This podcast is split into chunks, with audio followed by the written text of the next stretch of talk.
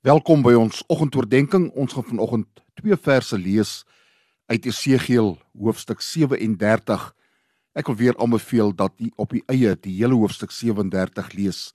Vers 11. Die Here het vir my gesê: Mens, al hierdie bene stel die hele Israel voor. Hulle sê: Ons bene is uitgedroog. Ons het geen hoop meer nie. Dis klaar met ons. Tree op as 'n profeet en sê vir hulle: vers 14 Ek sal my gees in julle laat kom sodat julle kan lewe en ek sal julle in julle land laat woon. Dan sal julle besef dat ek die Here is. Ek het gesê en ek sal dit doen sê die Here. Tot sover ons skriflesing vanoggend. Jesegiel 37 begin by 'n plek van totale hopeloosheid. 'n laagte vol mense beendere hierdie bene is droog Dit lê lank daar en is al deur die son gebleik. Dis onmoontlik om te bepaal van wie die beender afkomstig is. Daardie laagte vol bene stel mense voor wat hulle identiteit verloor het. Hierdie laagte vol doodsbeendere is simbolies die volk van die Here wat in ballingskap in Babylon is. Die verlies van hulle land, hulle geliefdes, hulle koning, hulle tempel en die heilige stad Jerusalem was vir hulle 'n verskriklike ervaring. Die ramp was te groot. Die situasie was hopeloos om te herstel. Daar was geen lig in die donker tonnel nie. Waar staan ons as kinders van die Here vandag? Ook nie maar in dieselfde posisie nie. Die doodsheid van COVID-19 hang soos 'n wolk rondom ons. Saam met die misdaad, geweld, korrupsie en die swak ekonomie lyk alles ook hopeloos vir ons nie waar nie. In 'n tyd soos nou, kyk ons dikwels so vas teen onsself en ons omstandighede dat ons vergeet wie God is. En dis presies wat Esegiel se boodskap is. Onthou wie God is. Ont wie onthou wie God is as jy twyfel. Onthou wie God is as jy moedeloos is. Onthou wie God is as jy hoop wil verloor. Onthou met wie wie jy te doen het. God is 'n God van lewe wat die onmoontlike moontlik maak. Die ware lewe en lewende God kan selfs lewe uit die dood bring. Jesegiel sê vanoggend vir ons 'n paar belangrike dinge. Hy probeer ons weer opskerp. Hy probeer ons moed gee. Hy sê eerstens dat God genadig is. Dis een van God se belangrikste eienskappe, genade. Daarom ontmoet hy mense waar hulle is.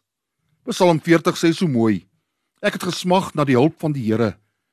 Hy het na my toe afgebuig en my hulp geroep gehoor. Vir Israel ontmoet God in 'n tyd toe hulle net kon sê: Dit is klaar met ons. Ons het geen hoop meer nie.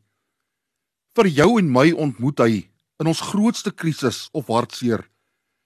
Wanneer ons hulpeloos en magteloos is, word sy mag sigbaar in ons lewe want hy is God en nie 'n mens nie. Hy gee nie op of oor as ek en jy opgee of oorgee nie. Hy sal ons optel waar ons moedeloos verlore en hartseer lê. Hy sal deur sy genade altyd weer oor met ons begin. Genesis 22 vers 14 beloof die Here sal voorsien. En hy sal ook nou in die tyd waarin ons lewe voorsien. Tweedens sê Esegiel dat God se woord nuwe lewe skep. Wat hier onmoontlike situasie van God se volk verander, sien ons in vers 4 van Esegiel 37 daar staan: Hoor die woord van die Here, droë bene. En vers 14: Ek het gesê en ek sal dit doen, sê die Here. Deur sy woord skep God nuwe lewe in droë bene. Ek wil vanoggend vir jou sê, Only the word of God has power. Daar is krag in die woord van God. Baie meer en groter en sterker as COVID-19 of enige van sy variante of trawante. Wat sê Esegiel vir ons in 2021? Hy sê net God en net God alleen kan ons hopelose en benarde situasie verander. Niks anders nie. Daarom bly by hom. Hou vas aan hom. Aanbid hom tydig en ontydig. nou meer as ooit. Derdens sê Segiel dat God telkens nuwe asem gee. Die Hebreëse woord vir asem of gees of wind is ruach. In hierdie konteks lewensenergie. God gee aan sy volk nuwe lewensenergie, krag en moed vir die lewe. Hy gee dit vir ons ook al is ons omstandighede nie goed nie. Ons sien hierdie gedagte so duidelik in Jesaja 40 waar daar staan: Hy gee die vermoedes krag. Hy versterk die wat nie meer kan nie. Die wat op die Here vertrou kry nuwe krag. Hulle vlieg met arensvlerke. Hulle hardloop en word nie moeg nie. Hulle loop en raak nie afgemat nie. Die God wat by ons geboorte sy lewensasem of ruach in ons longe ingeblaas het, is ook die God wat telkens op ons lewenspad, veral in tye van krisis en moedeloosheid, ons weer vul met nuwe asem, ruach, nuwe lewe en lewenslus om weer krag en moed vir die lewe te hê. Dit is waar. Kyk maar terug in jou verlede, dan sal jy weet dit is so. Hy gee telkens nuwe lewensenergie vir ons. Ten slotte Jesegiel 37 herinner ons dat God nie sy heerskappy en koningskap geabdikeer of opgegee het nie. Hy is altyd in beheer. Ten volle in beheer, ook nou in 2021 en daarna. God het 'n plan vir die wêreld en vir jou en my lewe. So vasbeslote is God oor sy plan vir die wêreld en vir my en jou dat hy bereid was om sy seun se lewe daarvoor te gee voor Jesus se geboorte getuig Sagaria, die pa van Johannes die Doper, oor hom, die Messias wat moes kom.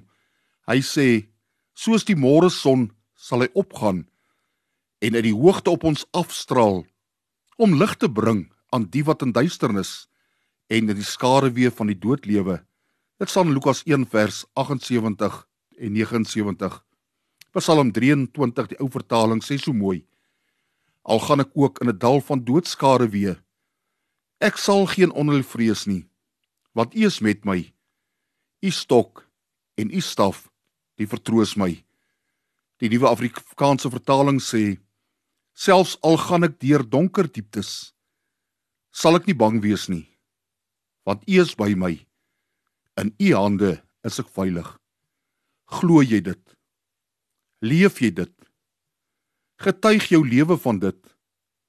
My gebed is dat dit die storie van my en jou lewe is. Volle vertroue in God. Volkomme mens gevul deur sy gees wat lewe spreek, hoop gee en omgee vir 'n wêreld in nood. Omdat ons glo, omdat ons vas en seker glo en weet die Here sal voorsien.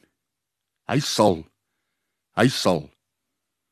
Here ons Here, vul ons opnuut met u Gees, u Ruach, om werktuie te word waardeur u Gees u woord deur ons spreek en so lewe en hoop gee vir 'n stikkende COVID-19 vreesende wêreld. Help ons om so te lewe dat u Gees Gees tuis is in ons en dat almal wat met ons in aanraking kom, dit kan sien en beleef. Gee ons rus en vrede, Here. U sal voorsien. Ons bid dit in Jesus naam. Amen.